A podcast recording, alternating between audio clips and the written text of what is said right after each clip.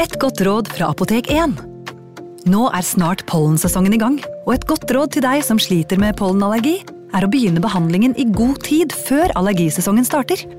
Da får du nemlig enda bedre effekt av legemidlene, og så blir ikke våren din helt ødelagt.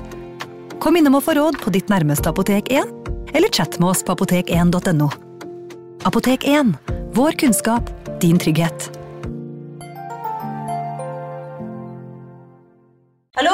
Jeg kommer fra Oslo politikammer. Ine Jansen er purk. Er du purk? The motherfucking bitch. Alt jeg vil, er å finne ut hva som skjedde med mannen min. Jon Carew. Er jeg sikta for noe? Iben Akeli. Det er du. Ole So, Lars Berrum og Big Daddy Karsten. Hvem sin side er du på, egentlig? Anette Hoff, Tone Danielsen, Kommer du fra Afrika? Jørnis Josef, Nesten kløfta. Trond Espen Seim, Det er synd å si det, men det var feil mann som døde. Purk. Premiere tirsdag på TV2 Play. Ungsamtalen fra DNB er økonomisk veiledning tilpasset deg som er ung. Bokk en ungsamtale på dnb.no. slash ung. Det er kjempebra hvis du skal inn på boligmarkedet, hvis det er drømmen din, liksom. Det er det du skulle sagt. Og så kunne du ropt litt mer, da, sånn som jeg gjorde. Bam! Advarsel. Historiene vi forteller i denne podkasten kan være fiktive og avvike fra den opprinnelige historien av dramaturgiske årsaker. Meninger og påstander i historiene reflekterer nødvendigvis ikke programledernes meninger eller virkeligheten.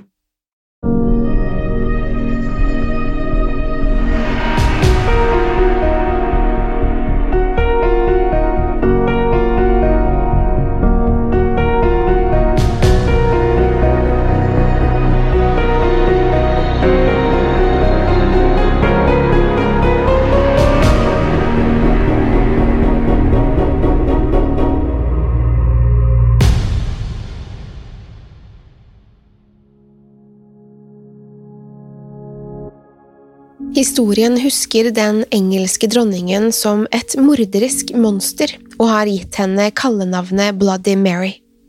Men den ekte historien om Mary Tudor, senere dronning Mary den første av England, er mye mer nyansert enn som så.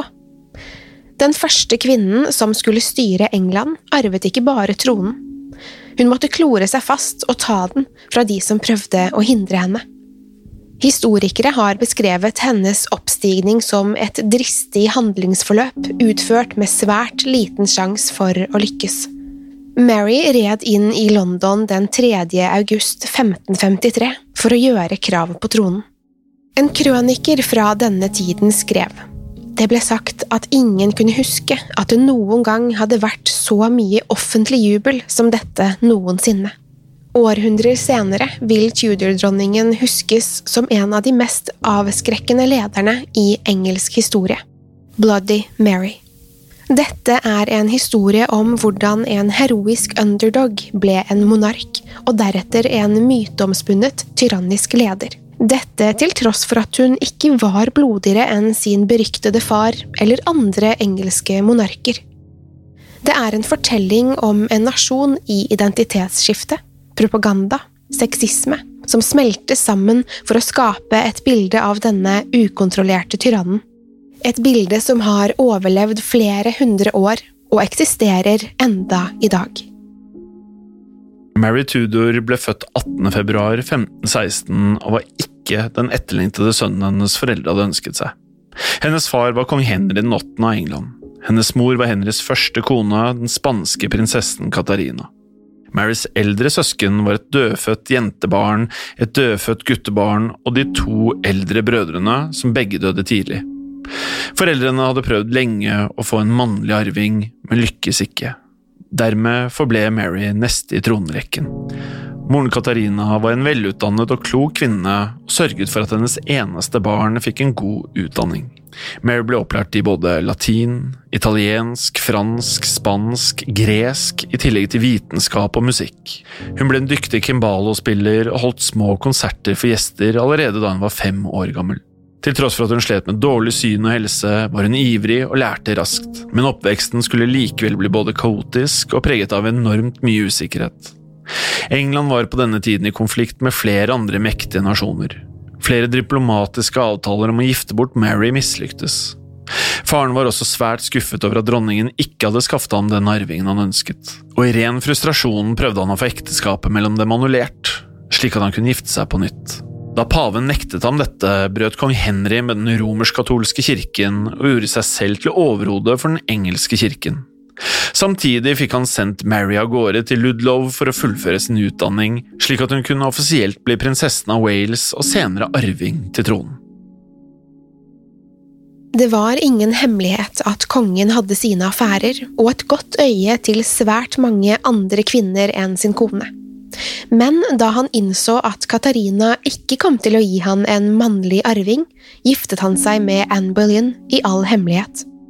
Hun var en av Katarinas hoffdamer, som han hadde blitt betatt av. Anne ville ikke være hans elskerinne om han ikke giftet seg med henne, så han fikk ekteskapet med Katarina erklært ugyldig, og tenåringen Mary ble ikke bare fratatt sin posisjon, men ble også erklært som uekte, født utenfor ekteskap. Den offentlige ydmykelsen gikk hardt inn på henne.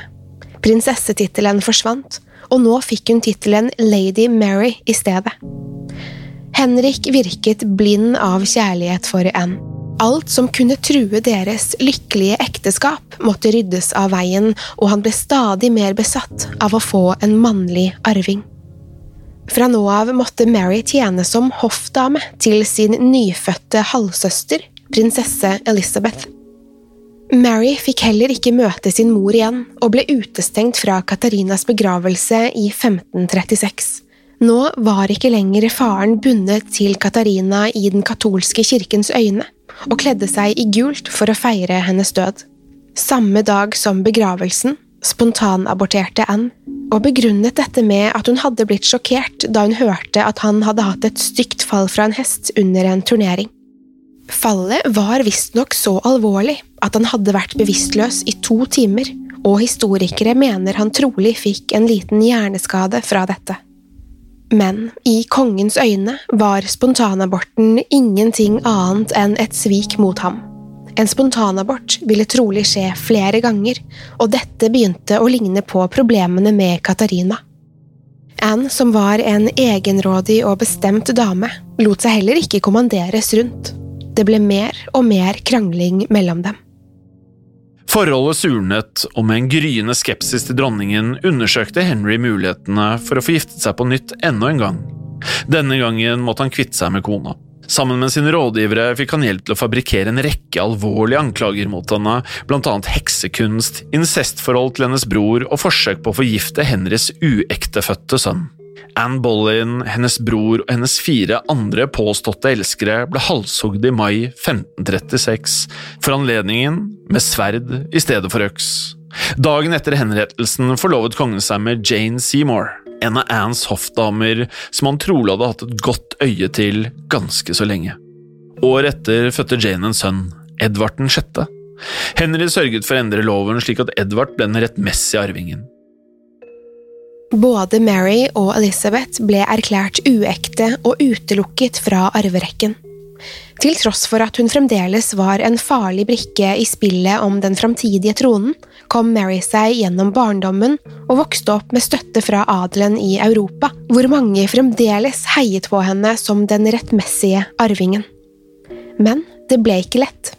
For å beholde farens gunst måtte Mary ydmykt akseptere sin statusendring og angrepet på den katolske troen. Selv om hun var en sterk tilhenger av den katolske kirken, ble hun nødt til å akseptere faren som Englands nye overhode for kirken og forkaste pavens autoritet. Hun måtte også erkjenne at ekteskapet mellom foreldrene var uekte, og sviktet dermed moren, noe hun senere aldri tilga seg selv for. Mary ble gudmor til Edward og fikk bli boende i de kongelige palassene. Både Jane og faren behandlet Mary bedre enn under tiden med Anne på tronen.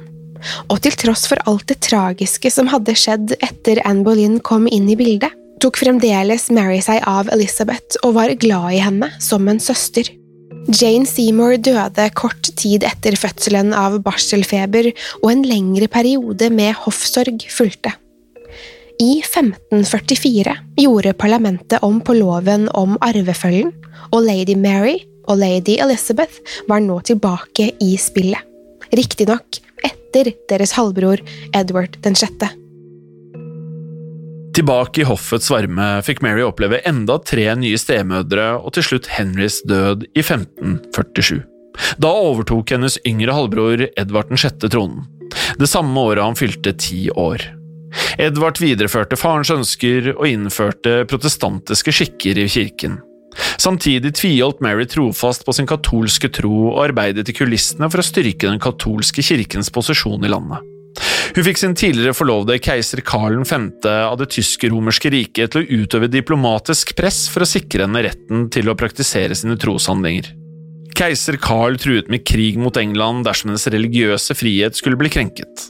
De religiøse uenighetene mellom kong Edvard og Mary ble et voksende problem, og Edvard forsøkte å hindre at hun skulle ta tilbake makten. Han fryktet Mary ville reservere de protestantiske reformene og gjeninnføre den katolske troen. Rådgiverne hans rådet ham til å undergrave farens ønsker ved å overlate tronen til den protestantiske kusinen lady Jane Grey. Under veiledning av hertugen av Northumberland skrev Edward dette inn i testamentet sitt. Dermed forbigikk han Mary og Elizabeth, som var de neste i arverekken. Han sørget for at både Mary og Elizabeth ble ekskludert fra arverekkefølgen i hans testamente, og at tronen skulle videreføres til Jane Grey i stedet. Jane var niesen til Henry den åttende.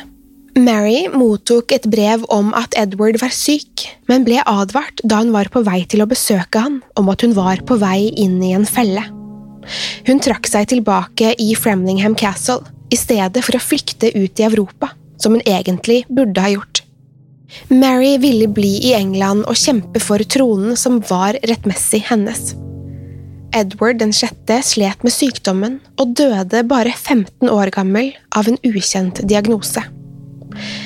Jane Grey ble erklært dronning etter Edwards død, til tross for at dette var stridig med parlamentsvedtaket fra 1544, og at Edwards testamente enda ikke var gjort gyldig.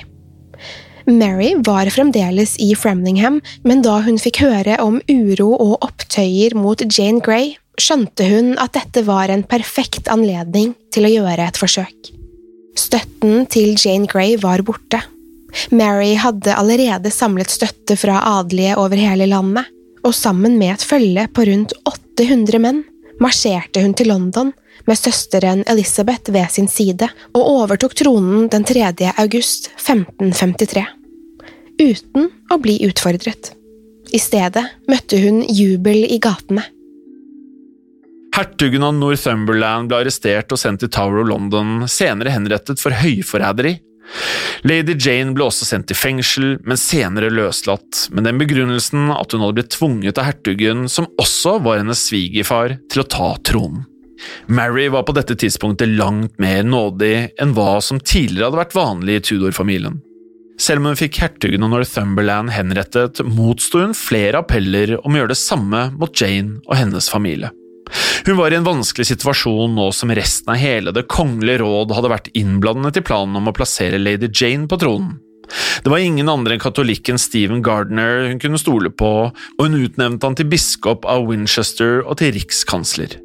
En rikskansler, eller lord chancellor som det het på engelsk, er et av de høyeste embetene man kan få i Storbritannias regjering. Denne personen utnevnes av monarken, ofte etter anbefaling fra statsministeren. Det var også Gardiner som utførte kroningsseremonien av Mary den 1. oktober 1553, ettersom hun ikke ønsket å bli kronet av noen av de andre geistlige lederne. De var nemlig alle protestanter. Mary innførte straks en lov som validerte Henry og Katarinas ekteskap og legitimerte hennes status. Hun ville finne en ektemann og skaffe seg en arving så fort som mulig for å hindre halvsøsteren i å etterfølge henne på tronen. Elisabeth tilhørte den protestantiske siden. Det var flere kandidater, men etter råd fra onkelen falt valget på den spanske prinsen Philip, som var arving til et stort område av det europeiske kontinentet. Ryktene om dette ekteskapet ble raskt veldig upopulært i England og skapte opprørsstemning. Det var en overhengende frykt for at dette ville gjøre landet til en marionette for spanjolene, et såkalt lydrike. Protestantene fryktet på sin side at det ville forsterke katolisismen. men Mary lot seg ikke rikke. Hun skulle ha Philip. Hertugen av Suffolk så nå en mulighet til å utnytte den dårlige stemningen og få sin datter Jane Grey på tronen. Han og hans tilhengere mente at hun var den rettmessige dronningen. Samtidig red Thomas Wyatt den yngre med sin hær inn i London for å ta tronen fra Mary, med et mål om å gi den til Elizabeth. Men han ble stanset og mislykkes. Wyatt, hertugen og Jane Grey ble dømt for forræderi og henrettet. Elizabeth ble fengslet i to måneder i Tower of London, før hun flyttet til Woodstock Palace, hvor hun satt i husarrest.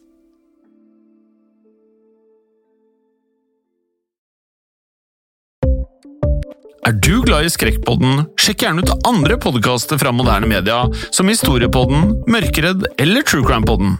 Podkastene våre finner du der du lytter til podkast, som på iTunes eller på Spotify.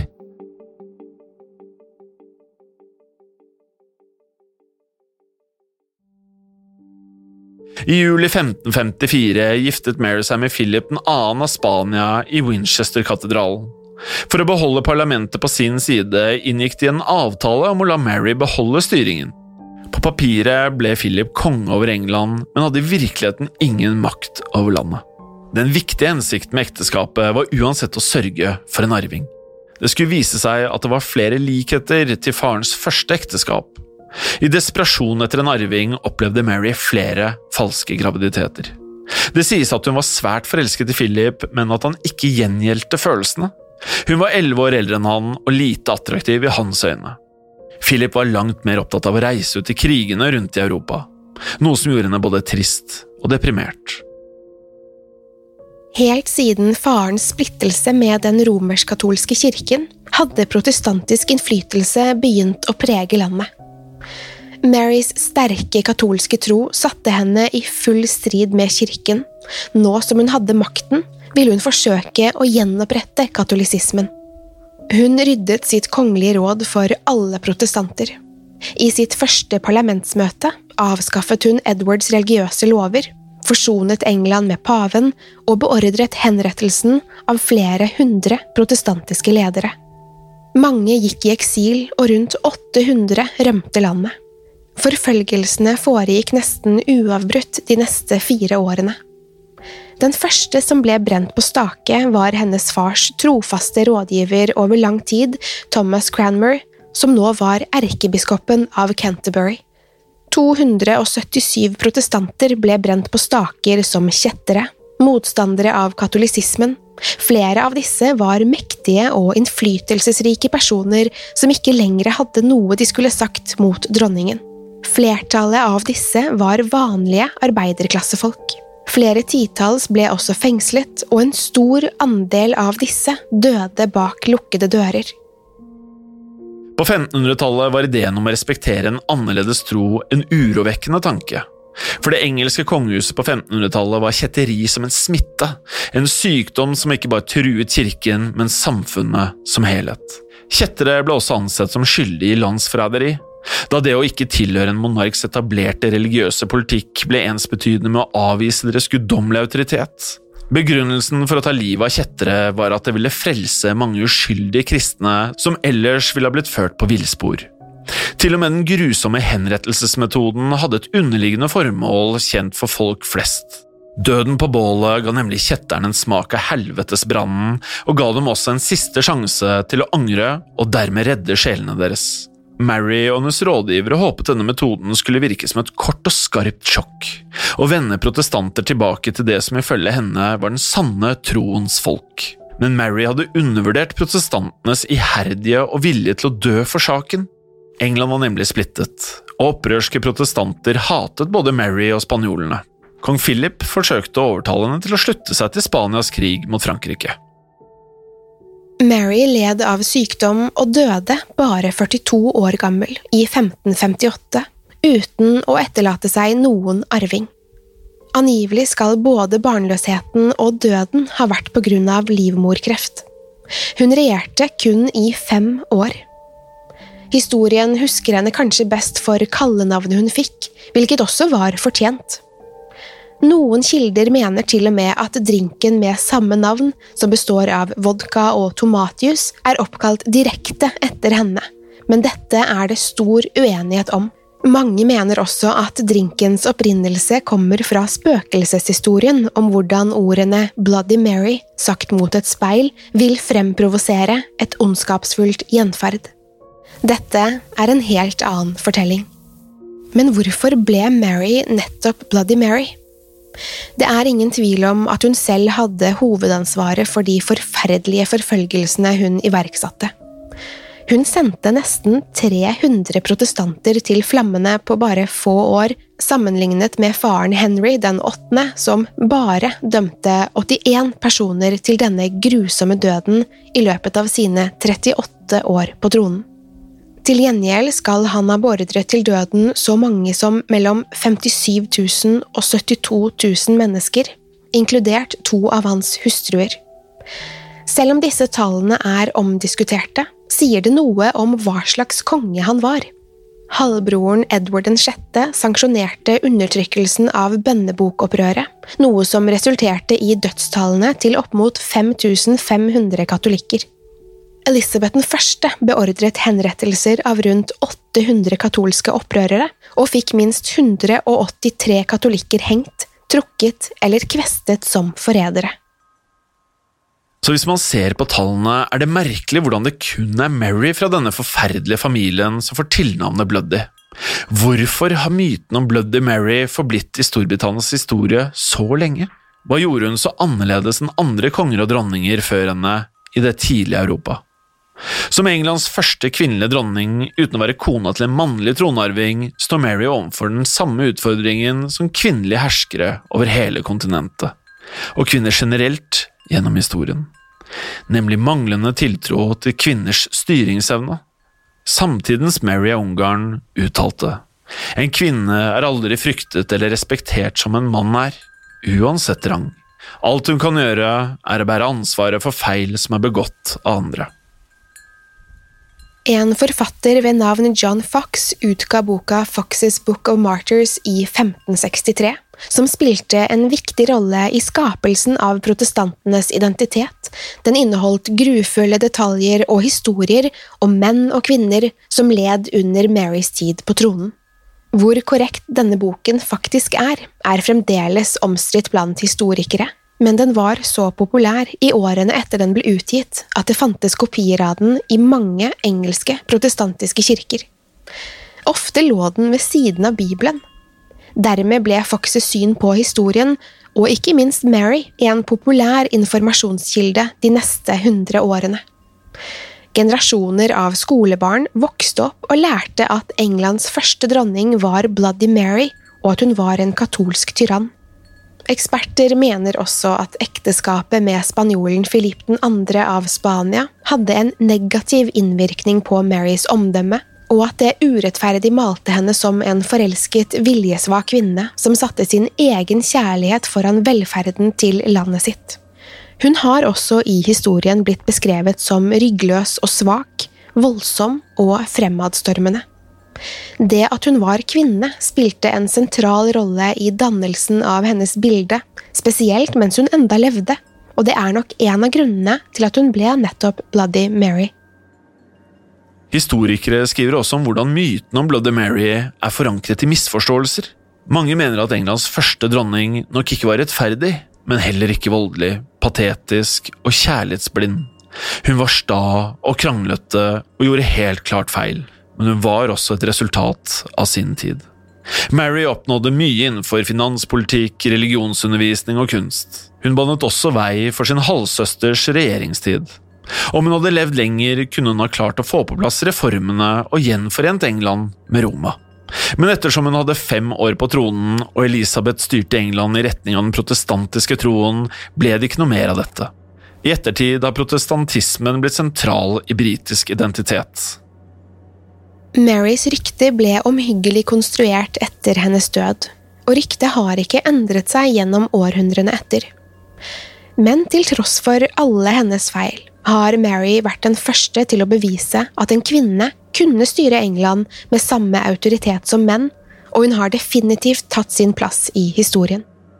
Hun var en intelligent, politisk smart og resolutt kvinne som beviste at hun var sin egen person. En Tudor som ble en pioner i politikken, og en regent som redefinerte det engelske monarkiet. Inkludert et modig forsøk på en valutareform, utvidelser av internasjonal handel og en kort krig med Frankrike, som kostet Englands deres siste by på kontinentet, havnebyen Calais. Som biskopen av Winchester sa under Marys begravelsesseremoni i 1558 Hun var en konges datter, hun var en konges søster, hun var en konges dronning. Hun var en dronning, og med samme tittel også en konge. Hun ble etterfulgt av sin halvsøster Elisabeth den første, som var den femte og siste monarken av Tudor-dynastiet. En av hennes første handlinger som dronning var å støtte etableringen av en engelsk-protestantisk kirke, som hun selv ble øverste leder av. Hennes regjeringstid har blitt kjent som den elisabetanske epoken og regnes som en gullalder i engelsk historie. Dronning Mary den første og Elisabeth den første var den første og den andre dronningen av England. Nå ligger de begravet i samme gravkammer i Westminster Abbey. På graven står det skrevet på latin partnere både på tronen og i graven. Her hviler vi to søstre. Elisabeth og Mary i håp om oppstandelse.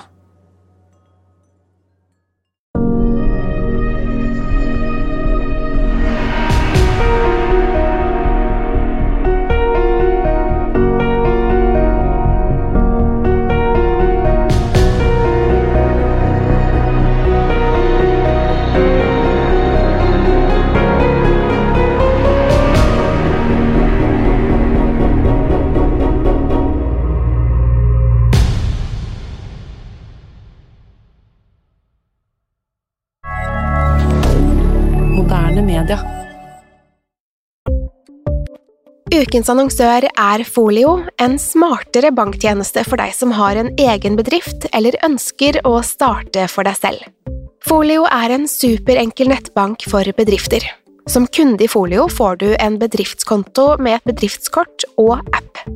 I denne appen er det smarte løsninger som forenkler regnskapet ditt, uansett om du har en liten bedrift eller et enkeltpersonsforetak.